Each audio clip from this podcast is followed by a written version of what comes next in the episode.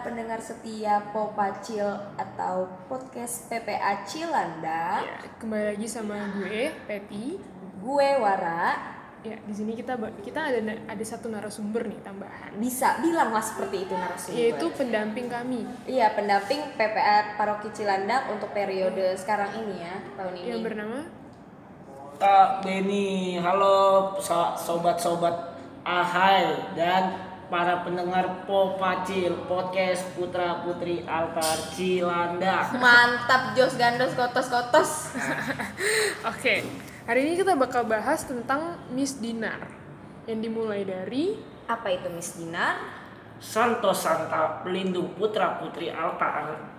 lalu kita akan bahas juga mengenai acara-acara yang diselenggarakan oleh Putra Putri Altar khususnya di Paroki Santo Stefanus. Cilanda. ya dimulai dari Wara berarti ya. Iya, jadi teman-teman semua nih mungkin kalian eh, adik-adik semua atau teman-teman pendengar mungkin taunya ya PPA tuh atau Miss Dinar itu kayak ya udah putra-putri altar gitu kan. Padahal nih teman-teman sebenarnya pengertian dari putra putra-putri altar sendiri eh sorry, pengertian dari Miss Dinar sendiri itu adalah me- asisten misa atau mereka yang membantu imam pada saat misa dimulai nih ternyata Kak Peti. Nah, Hmm, dan yang menarik lagi sebenarnya pada awal mulanya seorang putra altar itu adalah sebuah tingkatan pastoran sebelum menjadi imam. Umumnya itu Miss Dinar tuh laki-laki sebenarnya. Oh, oke. Iya, jadi nggak nggak langsung apa cewek cowok gitu. Akan kira- tetapi Iya, gue kira selama ini yang awal itu justru malah cewek cowok gitu ya. Kayak, Nah, tapi ya juga sih ya di Roma soalnya yang pertama pakai itu ya, pakai cowok semua gitu ya. Nah, itu dia nih, itu nanti bakal ada kayak keterkaitannya dengan santo pelindung dari putra-putri altar sendiri. Nah, akan tetapi nih, putra altar itu bisa disebut Miss Dinar bila keputusan gereja untuk memperbolehkan perempuan sebagai putra altar. Bila tidak boleh, maka dalam gereja disebut atau dipanggil dengan putri altar yang bertugas dalam bacaan-bacaan. Sebenarnya sih teman-teman ya, Di Indonesia gimana tuh? kalau di Indonesia sih semua tergantung atau balik lagi ke eh, ketentuan dari gereja masing-masing gak sih? Mm, Mungkin iya. teman-teman semua eh, ada yang pernah lihat atau ada yang pernah misa di gereja-gereja lain selain di paroki Cilandak ini ada yang ngeliat atau ada yang pernah dengar istilahnya Putri putra altar putri sakti. Nah, itu sepertinya ya itu balik lagi eh, menurut ketentuan dan kebijakan gereja masing-masing ya Iya, ya. Betul, setuju betul. sih gue. Mm-mm. Soalnya ya setiap ke- setiap gereja punya kebijakannya sendiri. Awalnya tuh gue kira kayak ya udah kalau emang di Indonesia cewek cowok ya pasti semuanya cewek cowok. Makanya waktu itu gue sempet kaget sih ngeliat ada putri sakristi bobo lentera doang gitu pas bacaan. Oke oke. Terus terus terus Wan. Nah, yang gua tahu juga nih, Hmm? eh, Putri Sakristi itu tugasnya untuk eh, bisa dibilang mengawal seperti menjaga sakramen ya bang ya. Betul, betul.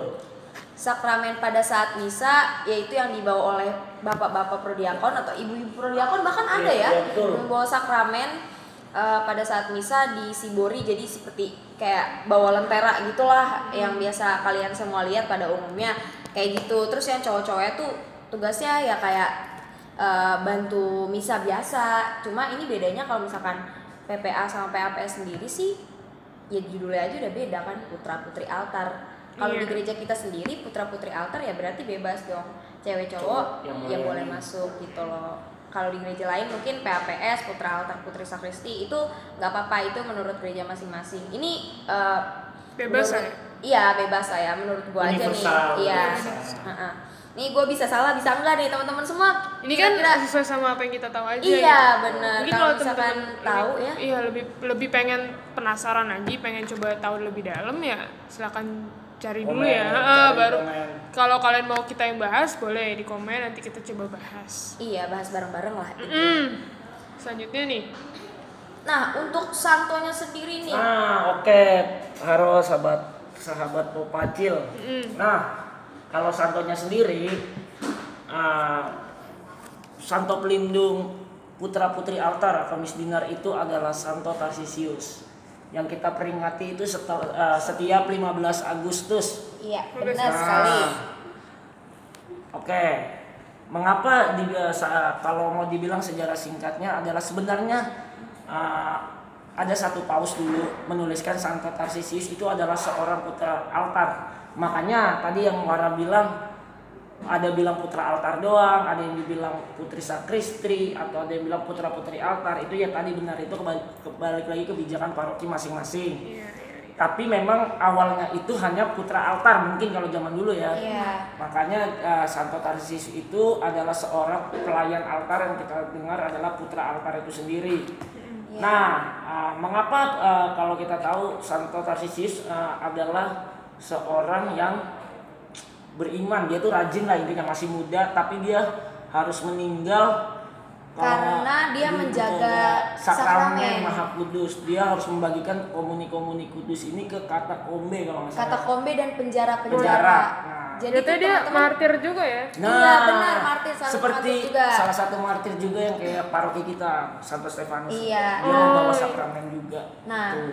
Jadi tuh teman-teman eh, nyangkut dari kisah Santo Tarsisius nih yang katanya dia bawa eh, sakramen ke dalam penjara-penjara. Jadi dulu tuh teman-teman emang kan orang-orang untuk beribadah susah gitu Iya, kan. Apa-apa tuh selalu ditangkepin, dibunuh-bunuh, disiksa segala macam. Iya benar.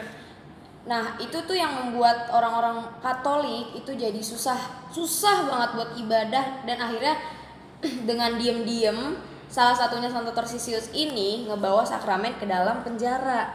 Dan lagi nih, Pet. Apa tuh? Hmm. Tadi disebutin, gue sebutin di awal. Pada awal mulanya seorang putra altar adalah sebuah tingkatan pastoran sebelum menjadi imam. Jadi mungkin itulah kenapa ya menurut gue kayak banyak di gereja-gereja atau di zaman dulu pun masih menerapkan sampai sekarang mungkin ya Iya. menerapkan putra altar dan putri Cowok. sakristi Oh, karena iya, cowok tingkat balik lagi ke Iya, iya. pada sejarah awalnya kayak gitu. Oke oke. Ya juga sih, tapi emang kalau diingat dulu ya bener-bener susah banget dan menurut gua kita sangat-sangat beruntung sih punya Santo yaitu seorang Santo Tarsisius lah ya. Iya. Karena ya jangankan itu ya kita sekarang dibutuhkan semangat itu gitu di tengah pandemi kita harus bisa untuk bagaimana caranya untuk mau melayani gitu ya di mana pun kita berada. Khususnya kalau di sini kita gimana caranya nih lagi pandemi tapi kita berusaha untuk ada acara buat temen-temen yang di rumah yang pengen banget. Ibaratnya kalian itu adalah orang-orang yang ada di penjara buat tanah ini gitu. Nah kita datang dengan membawa sakramen kita datang dengan membawa kebahagiaan untuk kalian supaya kalian bisa mendengarkan podcast ini. Gitu Benar lah sekali. Itu intinya dia. gitulah ya. Pet, bener Heeh. banget. Oke. Apalagi untuk sekarang-sekarang ini, menurut gue di masa pandemi ini ya orang-orang kan mungkin ada yang ya namanya orang tua mungkin ya pasti takut anaknya mau ke gereja segala macem Heeh, iya bener dan belum lagi juga anaknya juga takut Iya. kan dari dalam anaknya sendiri juga nggak berani apa Masih parno gimana. lah ya, parno Masih COVID intinya. itu wajar sih teman-teman tapi kita di sini juga eh, nggak perlu terlalu takut asalkan kita tetap bisa menjaga diri masing-masing Iya, ya. benar. dengan matuhin juga tuh protokol kesehatan.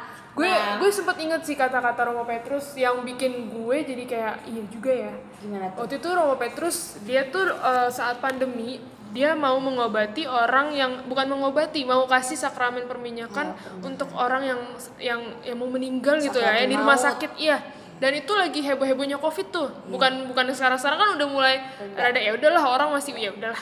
Itu waktu masih heboh banget gitu. Nah dia berani datang ke gereja untuk mengobra me- untuk memberikan sakramen perminyakan tersebut dan dia cuman eh, tanemin dalam hati dia dan pikiran dia dia cuman mikir kalau untuk Tuhan pasti semuanya ada jalan. Mau kena mau enggak semua itu dari rencana Tuhan. Itu sih. Dan itu yang buat gue jadi kayak oh iya ya. Kalaupun gua kayak apalagi Romo itu aja soal Romo lah ya Iya. ini istilahnya gue cuman masih baru PPA gitu ya masih orang anak muda gitu kan awam Iya masih awam dan gue nggak ke rumah sakit gitu dan gue mikirnya itu sih. Cuman buat kalian semua yang memang masih belum boleh atau gimana ya tenang aja. Justru kami hadir di sini untuk menemani kalian yang belum bisa keluar. betul banget Peti Gitu. cakep banget Kita saling mengisi lah ya intinya. iya Gitu. Nah selanjutnya kita akan bahas mengenai ger- acara ya.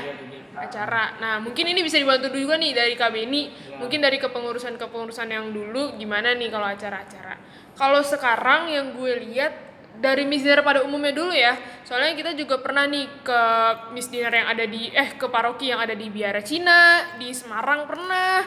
Iya. Ya, kita tuh sering ada namanya acara kayak Collab gitu Oh, loh, ya. sering ada acara collab antara sesama paroki atau enggak sesama PPA gitu ya. Iya, benar. Eh, eh, terus kayak ada wisata rohaninya. Nah, itu tuh kadang-kadang nggak cuman yang di satu provinsi atau nggak cuman di satu kecamatan doang gitu gerejanya, tapi kayak bisa keluar keluar pulau, keluar daerah. Benar. Dan itu yang bikin seru sih kalau gue pribadi. Kalau lu gimana, Mar? Karena kayak itu sih menurut gua acara yang paling pecah sih untuk di gereja di kepengurusan Setiap PPA gereja ini. lah ya, iya, setiap PPA. Heeh, heeh. Itu wisata rohaninya sih yang paling gue tunggu-tunggu kenapa Iya ya? Menurut gue itu Acara besarnya acara besarnya Iya gitu benar-benar. loh kan kayak Karena di dalamnya sering diselipin juga ada kayak semacam rekoleksi gitu nggak iya sih? benar. Jadi, Jadi kayak, ada- Cuman jalan-jalan tapi ada rohaninya juga. Iya Nah, benar banget.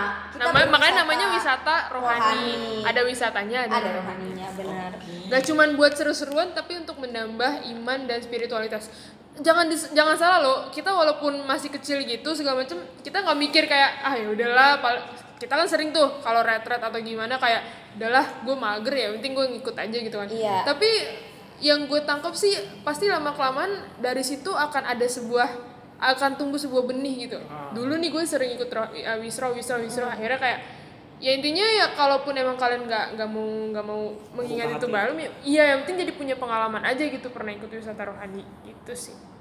Terus apa lagi nih kalau di Cilandak kalau di gue bahas tentang yang di Cilandak dulu ya. Tadi kan udah tuh secara keseluruhan. Kalau di Cilandak sendiri sih sekarang-sekarang ini kita nggak ada kegiatan ya karena covid. Bener. Tapi sebelumnya kita ada kegiatan namanya Wisroh tadi, ada ya eh, eh, ada kunjungan-kunjungan Ke rumah ibadah. ke rumah jadi nggak cuman ke Katolik doang ya teman-teman tapi ibadah, kita ke masyarakat juga gitu iya. Ha-ha, ke tempat ibadah-ibadah yang lain gitu terus eh, adanya wisro apa eh, rekoleksi nah terus acara Tarsisius Day ini salah satu acara yang Acara, ditunggu gitu iya. iya bang ya karena setiap hari kita memamerkan baju ba- eh setiap hari itu kita Setiap memamerkan tahun. iya setiap tahun Tiap tahun.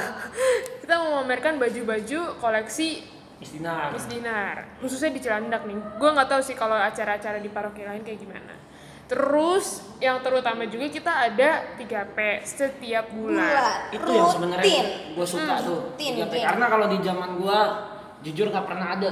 oh iya itu baru berarti ya 3P itu baru ada di tahun belakangan ini lah dua tahun belakangan atau tiga tahun belakangan ini. oh oke oke oke Sebelumnya kalau gue tuh ya hanya tugas pulang, tugas pulang. Iya, Ada latihan Natal, Paskah, pulang, ya gitu, gitu aja. Iya, iya, iya. Gak ada yang kayak pem, apa pengembangan iman, Hmm. karakter segala macamnya tuh nggak ada. Nah, Oh iya nih, menarik nih dari yang tadi Kak Beni bilang menyinggung tentang latihan-latihan Natal atau hari besar. Nah. Gue suka banget itu teman-teman.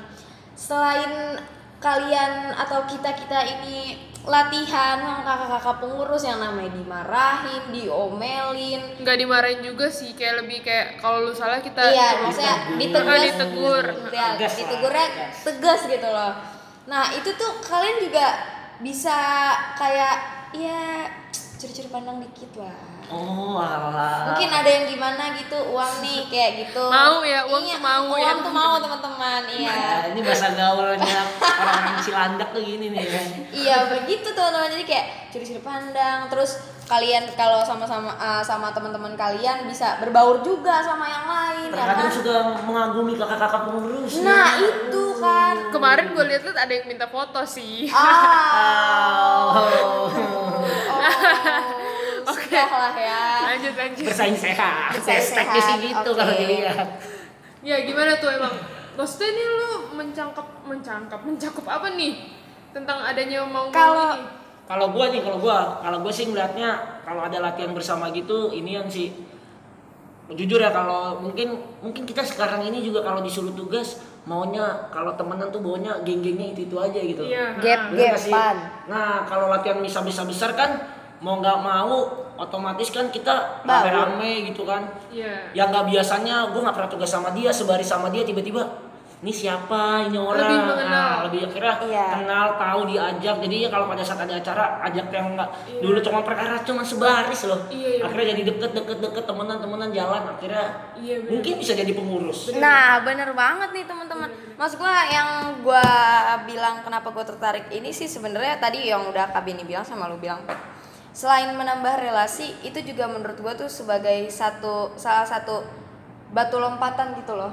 kenapa tuh Ketika eh, lu mau untuk mendengarkan orang lain kayak untuk dilatih segala macam, itu berarti lu mau dengar-dengaran sama orang dong. Jadi untuk misalkan sebelumnya lu tipe orang yang terlalu bebal banget gitu, terus lu udah mau membuka hati nih misalkan untuk sekedar dikasih tahu tangannya naik di, di depan dada misalkan kalian kayak oh iya gue salah nih itu kalian Lebih udah mau di, di dikoreksi lah ya. Nah, lebih mau dikoreksi dan itu menunjukkan kalian itu udah mau merendah hati gitu loh, Iya. merendahkan hati untuk lebih ke mendengarkan belajar, orang lain. Ah, lebih ke belajar bagaimana bersosialisasi dengan lingkungan. Bener banget dan itu Khususnya nantinya orang baru ya benar dan itu nantinya kalian bakal gampang untuk beradaptasi di lingkungan gitu loh. Itu Iya. yang gua dapetin sih dari Bener sih bener. Ini. Itu yang juga dirasain. Dan itu kita bagus banget gitu udah dapat hal itu dari kecil gitu ya. Ya, Nah. dan nantinya kalau kalian terjun langsung ke masyarakat kalau kalian udah gede atau udah besar itu bakal Berguna jadi banget. Iya, satu bekal yang berguna buat hidup kalian. Gitu kali ya untuk pengalaman-pengalaman di selama di eh, acara-acara yang ada di PPA, di Iya. Miss Dinner di secara keseluruhan maupun di Santo Stefanus Cilandak ini. Eh, untuk materi-materi ke depannya kita bakal bahas lagi yang lebih seru. Tadi juga kita udah jelasin masalah apa itu Miss Dinner, Santo Santa dan acaranya. Bakal ada keseruan-keseruan lain dan juga kejutan-kejutan kejutan-kejutan lain di Jut-jut. episode-episode selanjutnya karena yang kita ceritain bukan cuma tentang PP Ah, benar. tapi lebih ke tadi udah disinggung sama Peti di awal Iya. pengalaman spiritual, pengalaman iman, pengalaman percintaan sampai pengalaman mistis, Mistis. yang ada di gereja Katolik Santo Stefanus Cilandak. oke Itu aja sih untuk hari ini. Kurang lebihnya dimaklumin. Iya bener. Sedikitnya hari ini, Banyak ya besok lagi. oke. Jangan lupa itu eh, inti merah. Nah, Inti merah, inti merah, inti merah. merah. Nutrisari Jangan menyerah. jangan menyerah terus berlari.